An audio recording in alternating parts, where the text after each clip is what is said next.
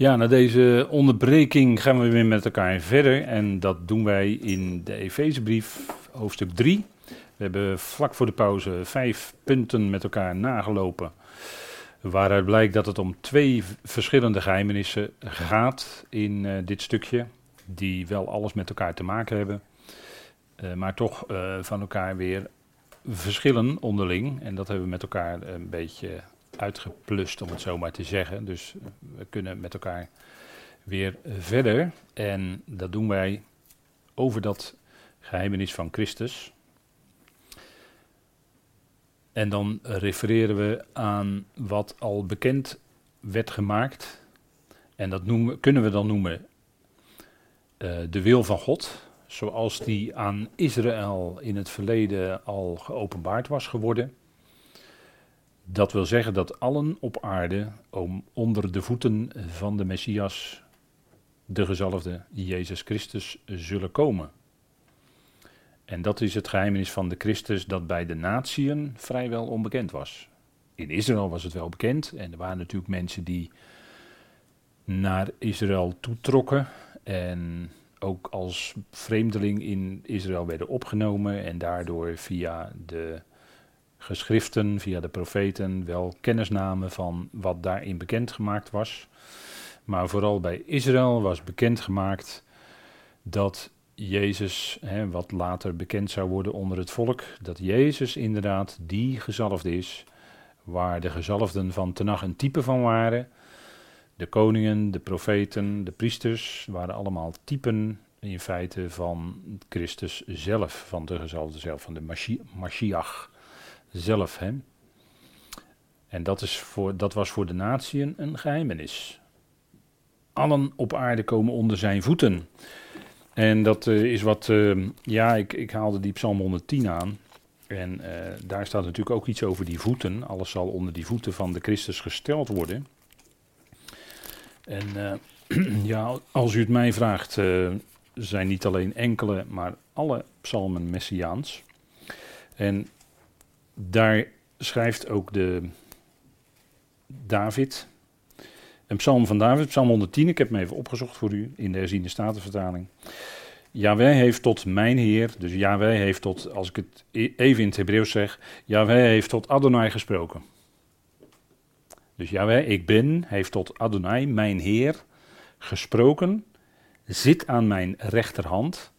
Dat is natuurlijk ook beeldspraak. Hè? Rechterhand, rechterkant is de plaats van macht, waar de macht uitgeoefend wordt of van waar degene die de machthebber is zit. Maar dat zitten is natuurlijk ook beeldspraak. En totdat ik uw vijanden gemaakt zal hebben tot een voetbank voor uw voeten. En dat is natuurlijk ook allemaal beeldspraak. Hè? Maar dat wil zeggen dat, het, uh, dat die vijanden, die zullen gesteld worden onder de gezalfde. Wie zal dat bewerken? Christus. Wie zal dat bewerken? Zijn God en Vader, kan ik ook zeggen. Maar die vijanden zullen allemaal moeten buigen. er komt natuurlijk een moment, nu nog vijandig, verenigen ze zich tegen Yahweh en zijn gezalfde. Maar ze zullen moeten buigen voor Yahweh en zijn gezalfde. Ja, zeker. Zeker. Dat moment gaat zeker komen. Absoluut. En dan zal de Heer ook, zegt vers 2, Yahweh strekt uw machtige scepter uit vanuit Sion en zeg heers te midden van uw vijanden. de, te midden van, de plaats in het midden is ook vaak de plaats, let u maar eens op in de schrift als dat voorkomt, in het midden van is de plaats ook van macht waar de regering wordt uitgeoefend. En dat is natuurlijk geweldig hè. En dat priesterschap, want in de rest van de nacht wordt er eigenlijk niet over gesproken. In Genesis 14 komt ineens Melchizedek op het toneel koning van gerechtigheid, hè, dat wil zijn naam zeggen. Melchizedek, dat is een samengesteld woord, zijn twee woorden eigenlijk, en het betekent koning en gerechtigheid. Hè. Tzadik, Melchi Tzadik. Maar er wordt ook gezegd dat hij koning is van Salem, dat betekent ook koning des vredes. En zo legt de Hebreeën schrijver dat ook uit. En hier in vers 4 wordt ook gezegd, in Psalm 110, u bent priester voor de Eon, of voor Le Olam, naar de ordening van Melchizedek. Komt ineens Melchizedek naar voren in deze psalm. Merkwaardig, hè? En in de rest van de nacht lezen we nooit over hem. En toch blijkt dat degene zijn, te zijn naar wiens ordening Christus is gesteld als koning en priester. Hij is koning en priester naar de ordening van Melchizedek. En dat is een hogere ordening dan de ordening van Aaron. Want Aaron zat bij wijze van spreken nog in de lende van Abraham, toen Abraham de tiende gaf aan Melchizedek in Genesis 14.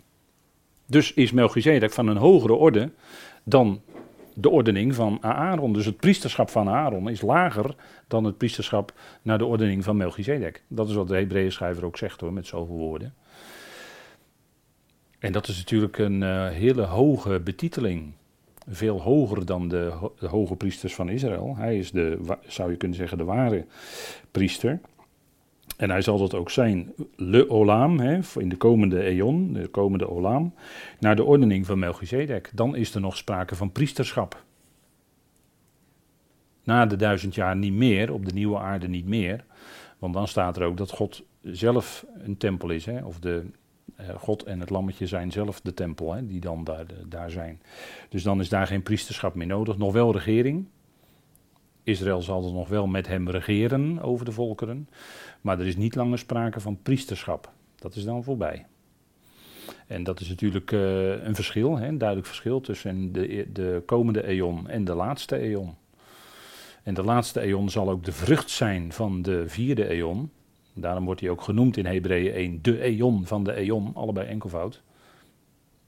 En dan wordt dan van de zoon gezegd dat hij daar in de eon van de eon zijn rijk heeft. Dat is dan het koninkrijk van de zoon, om het zo maar te zeggen. Dat krijgt volle gestalte op, in die nieuwe aarde, op die nieuwe aarde en in de nieuwe schepping. Kan ik, moet ik eigenlijk zeggen, nieuwe schepping, moet het iets ruimer zeggen. Dus dat is natuurlijk geweldig, hè? dat is toekomstmuziek. En dat gaat allemaal gebeuren. Dat gaan we allemaal zien in de toekomst. Geweldig dat we dat nu al mogen weten. Wat een zekerheid, hè, als je daar naartoe mag leven. We leven er naartoe. Het is voor ons geen vraag, geen onzekerheid. Nee, wij leven er naartoe. Volle zekerheid. En dan kunnen we ook zingen. Hè. U weet wel, hè, die psalmist, uh, psalm 106 is dat, meen ik. Ik, heb, ik geloof en daarom zing ik. Psalm 106. Zijn de bijbelvaste mensen hier? Psalm 106. Ik geloof en daarom zing ik. Daarom zing ik van genade. Nou, dan kunnen wij voluit zingen. Hè. Wij geloven en daarom zingen wij ook. Ja, dat is heerlijk. En als je hart dat doet, Vorige keer had ik het over zingen in de nacht, weet u wel. Zingen in de nacht. Als je voet in het blok zit, als je lijdt, met andere woorden, als je rug opengestreamd is door de geesteling, en je zit met je voet in het blok in Filippi en dan toch zingen in de nacht. Kan dat? Ja, dat kan. Want Paulus en Silas deden dat. Dus in lijden en verdrukkingen kunnen wij die wonderlijke kracht toch hebben om misschien in de, de nacht voor onze ziel, misschien in de nacht voor onze ziel, maar onze geest, daarin is het licht van Gods woord en dat schijnt. En dan kunnen we zingen in de nacht, als bij wijze van spreken het allemaal duister om ons heen is. Nou, dat is fijn hè, als je dat kunt.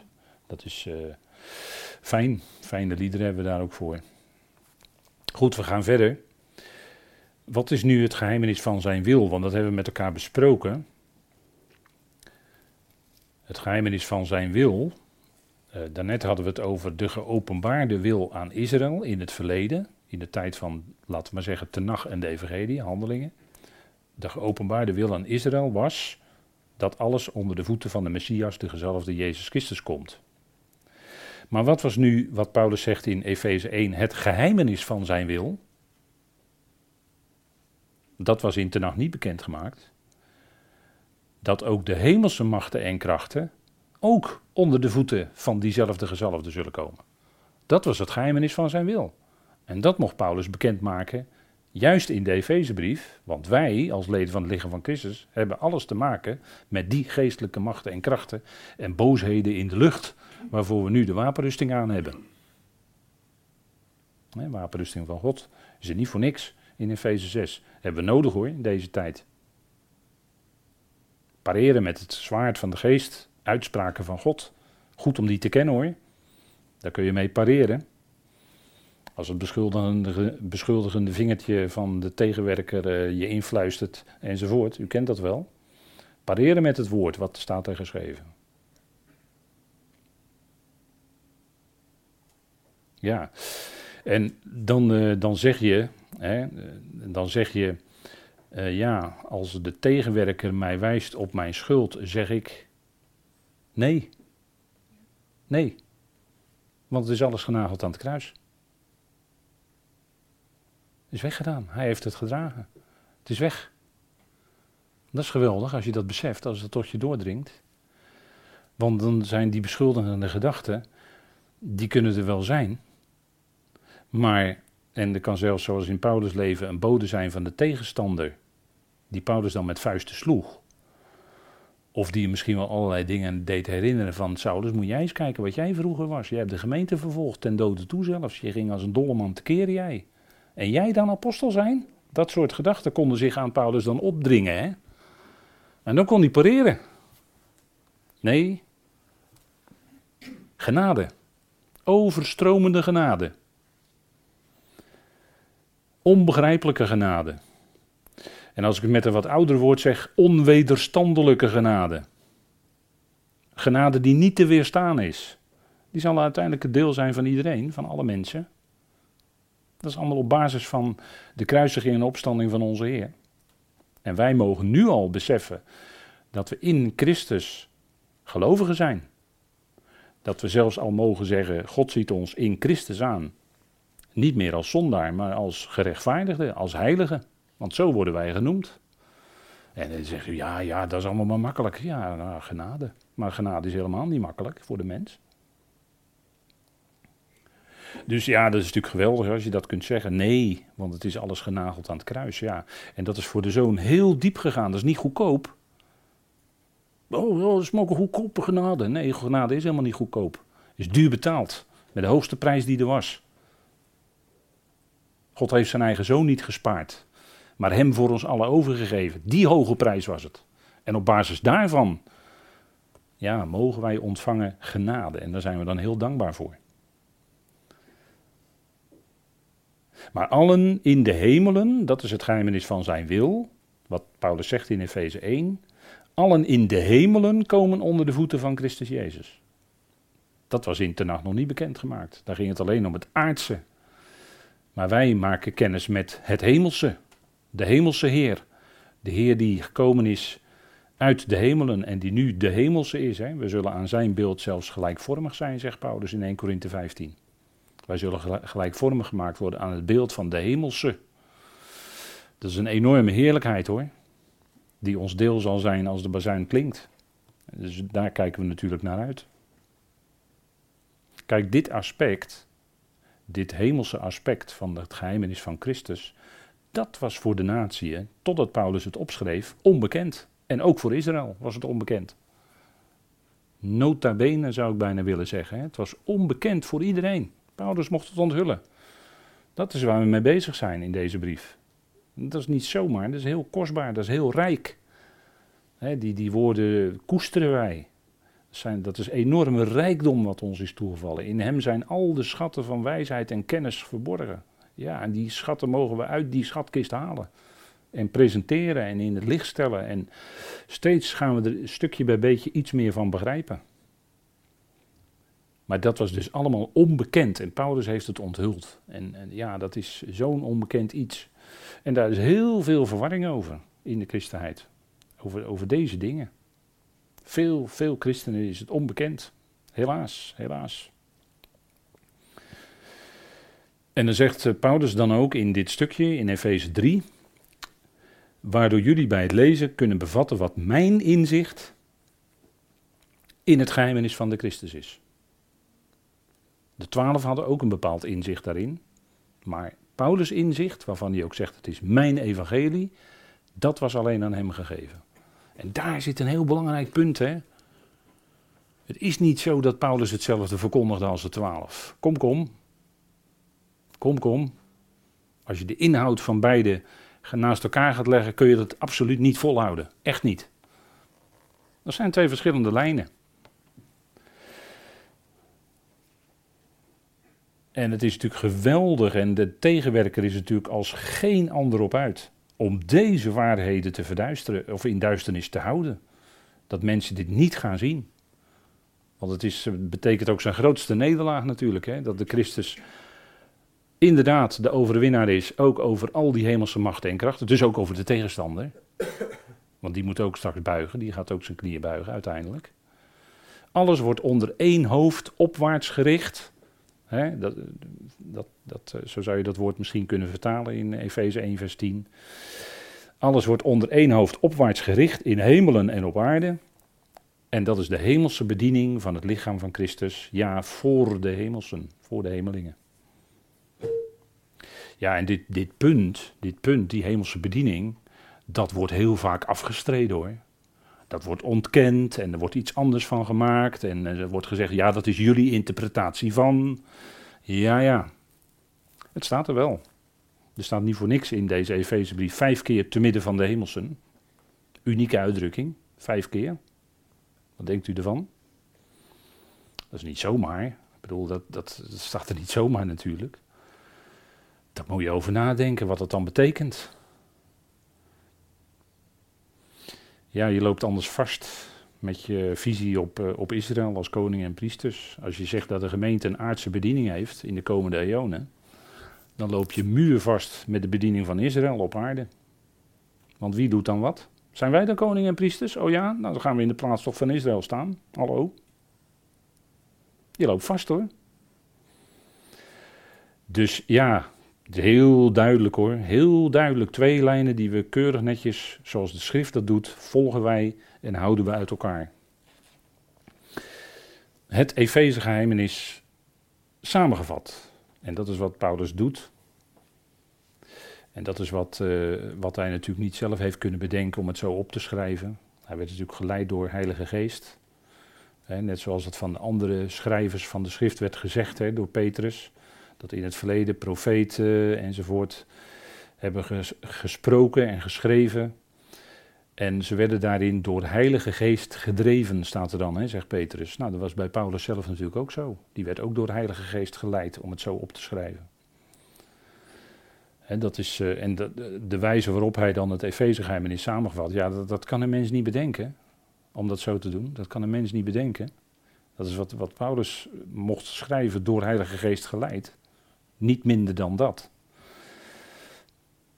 En kijk, want je ziet de verwarring terugkomen in de vertalingen. want in de meeste vertalingen staat dan in Efeze 3, als in Efeze 3 vers 6 vat Paulus dat Efeze is samen. En dan zie je in de vertalingen dat de vertalers het niet hebben gepakt, het punt waar het om draait. Want in de meeste vertalingen staat dat door de geest, als we dat even lezen met elkaar, hè, dat in andere generaties niet bekendgemaakt is aan de zonen van de mensen, zoals het nu, en dan wordt er meestal vertaald door de geest onthuld werd, door de geest onthuld werd aan zijn heilige apostelen en profeten. Als je het zo vertaalt, is het punt waar het om gaat, is weg. En het punt is dat zoals we het hebben vertaald, dat letterlijk staat er dan even die dungedrukte woorden weglaten. Uh, in geest, hè, als we doorlezen vanaf vers 3, zoals ik voor de pauze ook heb gedaan, aan mij bekendgemaakt is, en dan dubbele punt in vers 6, in geest de natieën gezamenlijk lotgenieten zijn, enzovoort. Dan komt de samenvatting. Dat is, als je de tekst volgt. En al eerder heeft geklonken, en daar hebben we natuurlijk in uh, vers 11 tot en met 22 van Efeze 2 uitvoerig bij stilgestaan. En nadrukkelijk ook uh, met elkaar gelezen. Dat daar diverse keren staat in de geest. Hè? Dat stukje eindigt met in de geest. En het begon met in vlees of in het vlees. Dat is wat daar, hè, dat is wat, waar het mee begint. En aan het eind van Efeze 2 eindigt het met tot een woonplaats van God in de geest. En uh, ook in, als ik even dat laatste stukje neem, dus dan zijn jullie niet langer gasten enzovoort. Groeit tot een heilige tempel in de Heer, in wie jullie samengebouwd worden tot een woonplaats van God in de geest. En vers 18 staat ook, want door hem hebben wij beiden in één geest toegang tot de Vader. Dus dan zien we dat het in geest nadrukkelijk terugkomt aan het einde van dat stukje 11 tot en met 22. En aan het begin van dat stukje wordt genoemd in vlees. Hè? De genoemde besnijdenis, vers 11, die in vlees met de hand verricht is. En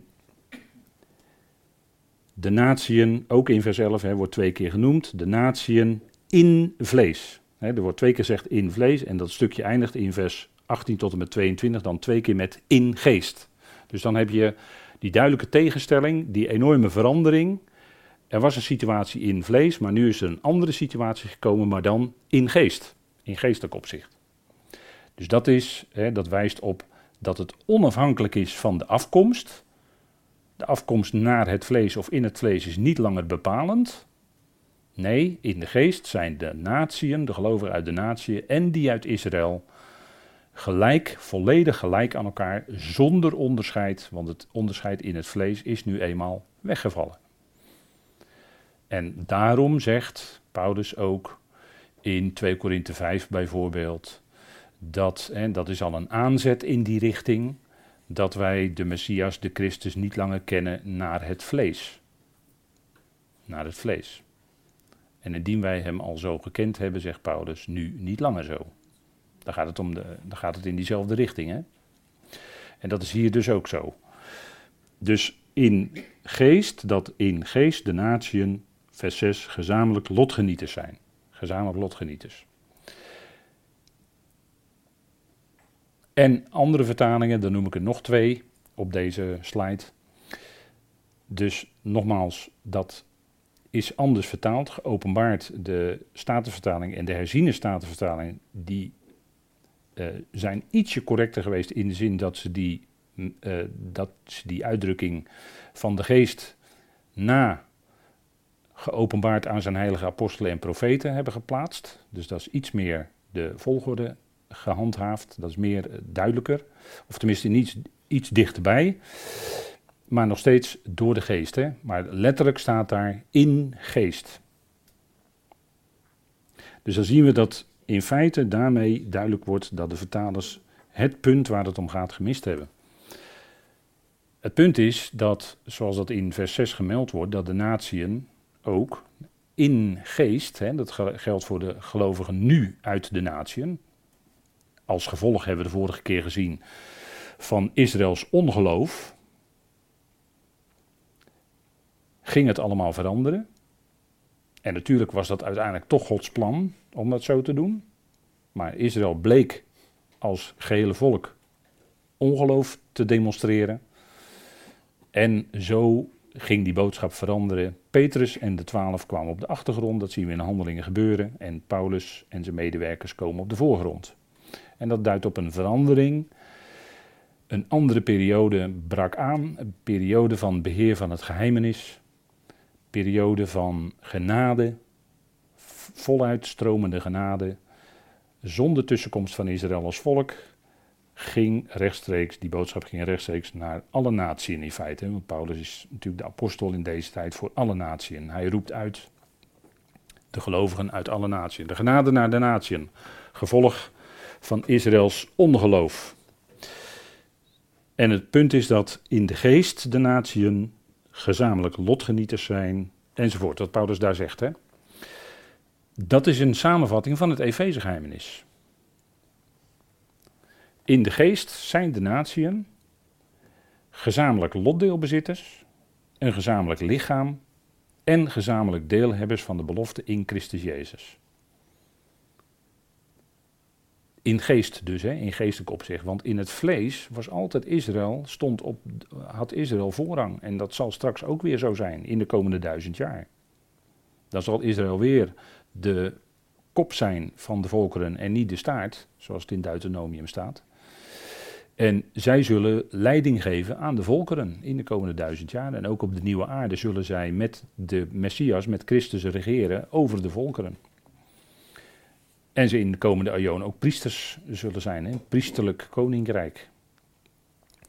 En wat de facetten van het geheimenis inhouden, is dat gezamenlijk. Dat de gelovigen uit de natie gezamenlijk met de gelovigen uit Israël, zonder onderscheid, lotdeelbezitters zijn. Niet van een lotdeel hier op aarde, maar boven, te midden van de hemelsen. En dat kan dus alleen maar in de geest zijn, geestelijk. En een gezamenlijk lichaam vormen. De mensen, de gelovigen uit Israël en de gelovigen uit de natie maken allemaal deel uit van het ene lichaam van Christus en doen dat gezamenlijk op dezelfde hoogte. Zonder onderscheid te maken van afkomst. We kennen elkaar niet langer naar het vlees, zegt Paulus in 2 Korinthe 5. Dus we maken geen onderscheid meer naar vleeselijke komaf. Of je nu afkomstig bent uit Israël of uit welke stam van Israël. Of dat je uit de natie afkomstig bent, doet helemaal niet ter zake. Een gelovige is een gelovige en heeft vol deel aan alle zegeningen in Christus Jezus. Dat is onze plaats als gelovigen. Maken geen enkel onderscheid. En gezamenlijk deelhebbers van de belofte in Christus Jezus. En u ziet de gedeelten uit de Efezebrief waarin dat allemaal besproken wordt. Of besproken is, kan ik beter zeggen, want we hebben dat natuurlijk allemaal met elkaar al besproken. Maar u ziet dus dat het hier in deze drie delen uh, samengevat wordt. dat, uh, dat te midden van de hemelsen, en uh, natuurlijk klinkt dat al direct, hè, als we over de drempel komen van de Efezebrief, klinkt dat al direct. Gezegend zij de God en Vader van onze Heer Jezus Christus, 1 vers 3, die ons zegent met iedere geestelijke zegen, te midden van de hemelingen, in Christus. Dat is gelijk al bepalend voor de Efezebrief. We staan op de drempel en we hebben, zegt Paulus, nu deel aan geestelijke zegeningen. Dus geen materiële zegen, zoals aan Israël beloofd. Die hebben belofte van een land en een stad en een tempel en noem alles maar op. En priesterschap en, en al, al die zichtbare dingen. Hebben wij niet. Wij hebben geestelijke zegeningen. En de sfeer is dan niet in de hemel, of eh, niet op aarde, maar te midden van de hemelingen. Of, ja, zoals het uh, in, het in christenheid vaak genoemd wordt, in de hemel. zo wordt het ook vaak vertaald in de vertalingen. En dan ook in Christus. Hè? Dus dat is, uh, dat is helemaal de sfeer waar wij in gezet worden, om het zo maar te zeggen, aan het begin van de Efezebrief. En dat is, dat is bepalend voor wat daarna ook zal volgen. En daar moeten we altijd goed onderscheid in maken. Dat geeft ook antwoord op waar ook vaak natuurlijk verwarring over is. Dingen als uh, spreken in tongen, lichamelijke genezing, uh, wel of geen materiële voorspoed hebben enzovoort. Het doet er voor ons allemaal niet toe. Omdat we geestelijke zegening hebben. En we, we, we, kunnen geen lichamelijke genezing claimen, zoals dat wel in diensten gebeurt. We kunnen geen profetieën hebben zoals dat in die tijd. In, die, in een bepaalde tijd was dat bevorderlijk, ja, om de gelovigen verder te brengen. Maar toen die tijd voorbij was, wat in 1 Corinthië 13 ook aangegeven wordt, toen die tijd voorbij was, zegt Paulus ook, tongen zullen verstommen. Dat gaat, gaat voorbij. Eh, straks zal het weer een rol spelen.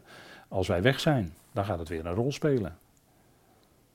Dan zullen Israëlieten door de geest geleid ineens ook weer andere talen kunnen spreken. Omdat dat, te dat het koninkrijk ook moet doorbreken. Dan zal er ook weer, hè, de lammen zullen lopen, de blinden zullen zien enzovoort. Ja, dat zal straks in het koninkrijk allemaal zo zijn. Dat zijn allemaal zegeningen die je kan, hè, die, die tastbaar zijn. Maar dat hebben wij nu niet in deze tijd. We hebben alleen uh, geestelijke zegeningen. En daar leven we bij. En dat is voor mensen soms moeilijk, omdat ze toch graag iets concreets willen hebben of iets concreets willen doen. Hè? Maar de, als we het hebben over de opbouw van het lichaam van Christus, ja, dat is ook puur iets wat, wat geestelijk gebeurt. En dat je dan uh, letterlijk ook wel eens uh, dingen voor elkaar doet, of dingen voor elkaar waarneemt, of wat dan ook. Ja, dat hoort er allemaal bij. Maar dat is niet per se de hoofdmoot dat is, wij, hebben, wij delen allemaal die geweldige geestelijke zegeningen. En dat geeft ons rust, vrede, kracht. Ook, ook juist kracht om in moeilijke omstandigheden toch door te kunnen gaan. Om in moeilijke omstandigheden toch die vreugde van Christus te kunnen ervaren. En noem alles maar op. Dat is wat, uh, wat aan ons gegeven is. en dat uh, gezamenlijk lichaam, ja, er is in deze tijd één lichaam. dat, dat zullen we straks gaan zien in Efeze 4 voor onze wandel. Er is één lichaam. Er zijn niet allerlei verschillende lichamen. er zijn wel allerlei instituten, maar dat is niet het lichaam van Christus, dat zijn instituten. Het lichaam van Christus zijn al die gelovigen wereldwijd en die bevinden zich overal. Die kunnen zich ook binnen, binnen en buiten kerkmuren bevinden, dat maakt allemaal niet uit. Dat is dus ook iets geestelijks, ja. Geestelijke zaak. Belangrijk hoor, om dat goed te beseffen, dat er, dat er één lichaam is, die geweldige zevenvoudige eenheid van de geest, die zouden wij bewaren. Ja. En dat is, één lichaam is ook heel belangrijk. Dat we overal treffen we, ontmoeten we mensen die ook in hem geloven. Want dat is toch het meest basale, hè? Zeggen we dan tegen elkaar. Dat we geloven dat Jezus stierf en opstond. Maar dan ook echt geloven. En we zijn deelhebbers van de belofte in Christus Jezus door het evangelie. Ja, niet deelhebbers van de belofte in Jezus Christus voor het komende koninkrijk op aarde, maar geestelijk, boven. Daar is onze plek. Die, die zullen we straks ook lijfelijk gaan innemen. Maar we zijn er in feite nu al geplaatst. Hè? Kunnen we ons wel moeilijk voorstellen. Maar we zijn al geplaatst in hem en met hem te midden van de hemelsen. In die zin is hij al tezamen met ons en wij, zijn wij al tezamen met hem. En dat het in de toekomst ook lijfelijk bij de bazuin zo zal zijn dat wij tezamen met de Heer zullen zijn, zeker. Maar dat is nu al zo. Hij is nu al tezamen met ons en wij met hem. Dat is wat Paulus ook laat zien in zijn brieven. Dus dat is niet iets wat, wat we, waar, uh, waar we zeggen, ja, dat zal pas in de toekomst zo zijn. Ja, dan wordt het alleen maar, of alleen maar, goed, maar dan wordt het alleen een lichamelijke uitdrukking van wat nu in feite een geestelijk al, feit al is. Het zijn allemaal dingen die heel wezenlijk zijn voor ons als leden van het lichaam van Christus en die we goed elke keer meenemen en, en ook bij gelegenheid herhalen. Want dat is toch belangrijk, hè? Dat, we het, dat we het steeds weer en dan ga je het ook steeds stapje voor stapje wat beter begrijpen, beter verstaan. En drie keer dat gezamenlijk, hè, dat is natuurlijk heel belangrijk. Want dat wil zeggen dat die twee groepen, die er toen nog waren, door de Efezebrief wordt dat allemaal één, wordt die eenheid bekendgemaakt tussen die twee groepen. Vandaar dat drie keer dat gezamenlijke. Dat is heel belangrijk om dat, uh, dat goed te zien met elkaar. En uh, ja, dat is uh, heel, heel verrassend, heel bijzonder. En dat zo'n uh, zo'n apostel als Paulus, ja, die wordt, uh, die wordt door uh, Joodse rabbijnen ook wel als lastig ervaren. Dat, dat is wel eens opgemerkt door rabbijnen, dat Paulus maar lastig is. Maar ook binnen de christenheid wordt Paulus ook soms maar heel als heel lastig ervaren. Die lastige Paulus toch. Want die verkondigt toch allemaal net weer afwijkende, afwijkende zaken van wat, uh, ja. En dat, uh, dat, dat zou beter moeten doorklinken in de predikingen. Hè, vaak gaat het om, um, ja, goede dingen doen voor je naaste. En uh, kijk maar naar Jezus zoals hij op aarde rondwandelde. Natuurlijk, ja, hij wandelde daar in een gezindheid en in een ootmoedigheid. Ja, zeker, daar kunnen we naar kijken. Die gezindheid van ootmoed. Dat is natuurlijk wat hem, hem karakteriseerde. Toen hij als gelovige hier rondwandelde op aarde. Natuurlijk, daar kijken we naar. Die gezindheid. Maar wat hij, uh, wat hij deed, ja, dat, uh, dat, dat kan natuurlijk nu allemaal niet. Hè. Er zijn natuurlijk uh, predikers geweest die, die claimen dan alle, allerlei dingen die de Jezus in zijn aardse bestaan deed. Dat, dat, dat, kan nu allemaal niet. Dat is nu allemaal niet aan de orde. Dus daar, ja, dat is, eh, dat is, als je daar toch mee bezig gaat houden, dan, dan zit je op een ander spoor. Dat is zo jammer. Want dan mis je het spoor waar, de, waar Paulus in zijn brieven ons op zet. Hè. Dat is uh, toch opwaarts. We kijken steeds, innerlijk kijken we toch steeds naar boven. Terwijl we hier heel druk op deze aarde rondhobbelen, om het zo maar te zeggen. En heel druk met allerlei dingen bezig zijn. En toch zijn we van binnen naar boven gericht op Hem.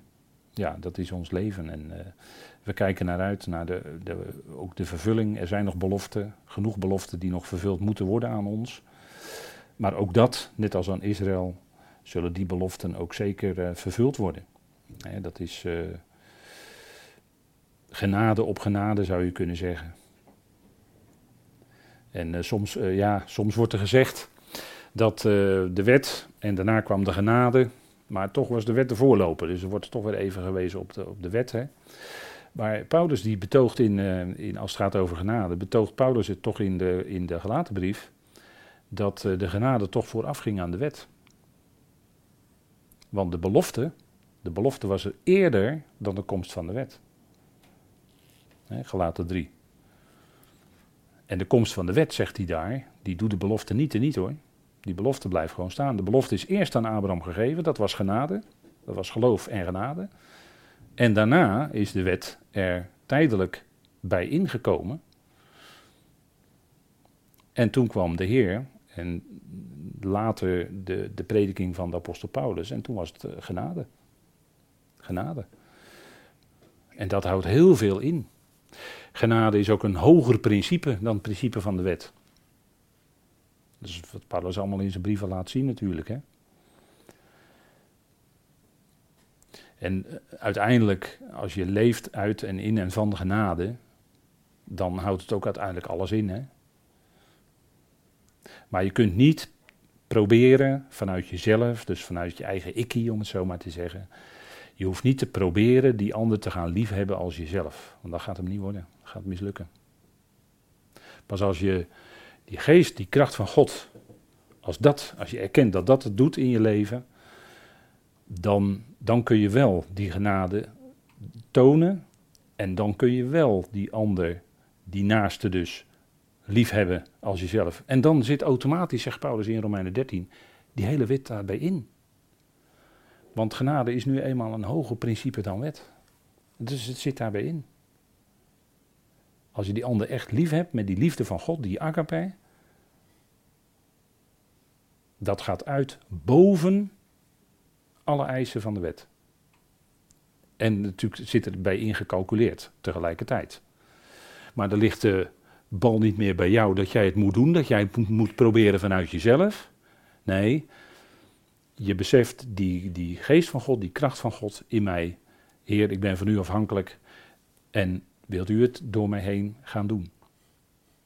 Dat is, dat is werkelijk door en uit genade leven. Maar zo vaak, zo vaak worden gelovigen dan net op het verkeerde been gezet. Dat er net even aangewezen wordt van, en dan krijg je het gevoel bij prediking van, ja wacht even, nu, nu ga je het verleggen. Want nu ga je toch weer het even bij die mens neerleggen. Nee, het ligt bij hem, het ligt bij zijn kracht. Zijn kracht werkt in en door ons heen. En dan, ja, dan, dan kun je die ander met agape, liefde, liefhebben. Goed, ik wil het hierbij laten voor vanavond.